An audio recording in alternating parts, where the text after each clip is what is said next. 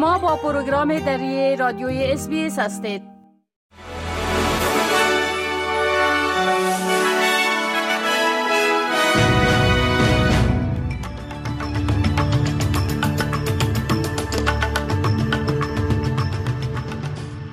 سلام من فضیل تصمیم شما را به شنیدن اخبار امروز 19 دسامبر دعوت می کنم. لیود آستن وزیر دفاع ایالات متحده امریکا می گوید که فراهمی امنیت در بحیره سرخ یک مشکل بین المللی است که زمانی که وزرای دفاع منطقه در یک جلسه آنلاین در اواخر امروز برگزار می کنند حل خواهد شد.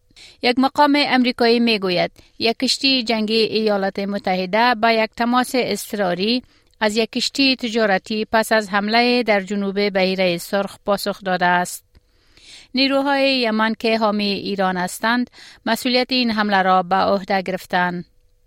آقای آستین می گوید این وضعیت باید هر چیز زودتر حل شود. Regarding the Houthis, um, these attacks are reckless, dangerous, and they violate international law.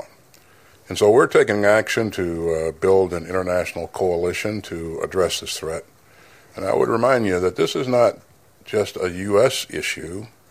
Uh, this, is, this is an international problem and it deserves an international uh, response. مقامات ایالات متحده می‌گویند که آنها از اسرائیل خواستند تا در عملیات جنگیش در غزه تجدید نظر کند. و به این عملیات با شدت کمتر حرکت کند. لوید آستن وزیر دفاع امریکا در سفر به تل حمایت امریکا از اسرائیل را تکرار کرد و گفت کشورش به متحد خود بینشی در مورد مبارزه با گروه های تروریستی ارائه داده است. We also have some great thoughts about um, how to transition from high intensity operations to lower intensity and more surgical operations. So we had uh, great discussions on all of those, uh, those issues. اسرائیل گفته است که همه زیربناهای تروریستی را هدف قرار می دهد. بارانهای سنگین و شدید که شمال کوینزلند را تحت تاثیر قرار داده کاهش یافته است اما اداره هواشناسی می گوید هشدارهای سیل هنوز در این محلات موجود است. هشدارهای عمده سیل در حال حاضر برای دریاهای هربرت، ماری و دریای دنتری است اما دریاهای تولی و بیرین و دریای مالگریف در خطر این سیلاب ها قرار ندارند. لورن باکل مسئول هواشناسی به ساکنان این منطقه توصیه می کند که به هشدارهای تیم های نجات توجه کنند زیرا هنوز هم خطر وجود دارد. ستیون مایل صدر کوینزلند می گوید شرایط آب و هوا رفت آمد را به شهر ویجل ویجل ناممکن ساخته است اما تیم های نجات برای کسانی که در این نقاط گیر ماندن تلاش می ورزن. In some positive news, the Cairns Water Treatment Plant uh, is now operating uh, and is providing uh, safe, clean water to the Cairns CBD and also to the Cairns Hospital. I want to thank the technicians who did a really great job of getting that operating again. It means we don't have to evacuate patients out of Cairns Hospital. The Defence Force has been providing fantastic support when and as needed. پلیس کوینزلند به مردم یادآوری کرده است که هرگز نباید تلاش کنند تا از طریق جاده های سیلابی رانندگی کنند. مراکز تخلیه و نجات برای آن مردمی که در نواحی دک کریک در نیو ساوت ولز از آتش سوزی فرار کردهاند آماده شده است. جنگلات پلیگا در جنوب نارابری در ایالت نیو ساوت ولز در حال شولور شدن است.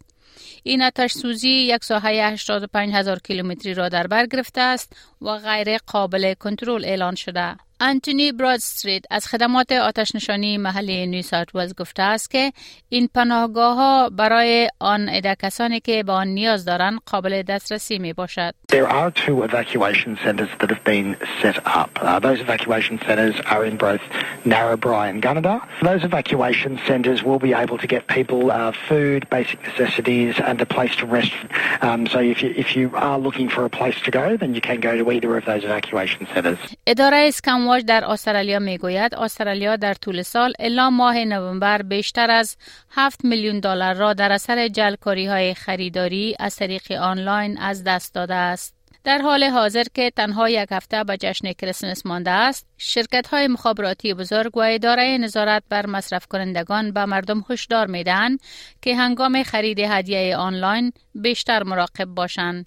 تلسترا می گوید امسال 66 درصد افزایش در پیام های جلی نسبت به سال گذشته را ثبت کرده است. متخصص امنیت سایبری دارن پاولی می گوید جلکاران از هر راه تلاش می کنند تا پول مردم را بگیرند. از کیو آر کود های جلی تا درخواست پرداخت مستقیم پول به حساب های جلی شرکت های معتبر راه های این کلاهبرداری ها شناخته شده است. دارین پاولی در این مورد می گوید something arrive in someone's post by registered post in the mailbox um, that was a letter and it had a number to call and a URL on there. So it was sort of mixed domains there. You've got post, phone number, and it was a scam. اندرو گلیز وزیر مهاجرت در حکومت فدرال امروز با همتایان ایالتی و منطقه‌ای خود در کانبرا روی موضوع مهاجرت در استرالیا ملاقات می کنند.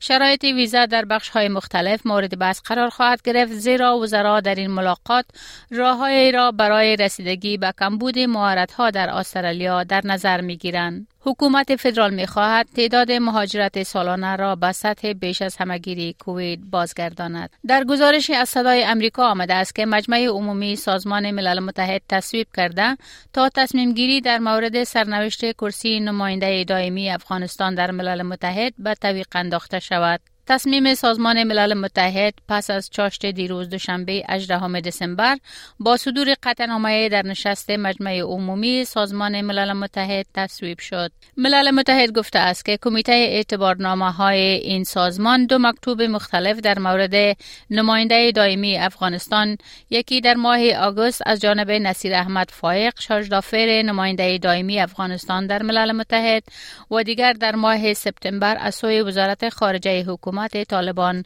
دریافت کرده است. در تصمیم گیری نهایی مجمع عمومی ملل متحد آمده است. ریاست مجمع پیشنهاد کرده است که ارزیابی در مورد نمایندگان میانمار و افغانستان برای آینده به تویق انداخته شده است. از زمانی که طالبان در آگوست 2021 قدرت را در افغانستان در دست گرفتند این سومین بار است که مجمع عمومی سازمان ملل متحد تصمیم گیری برای دادن کرسی نمایندگی دائمی افغانستان را به این گروه به تعویق می اندازد. این بود مهمترین اخبار از برنامه دری اس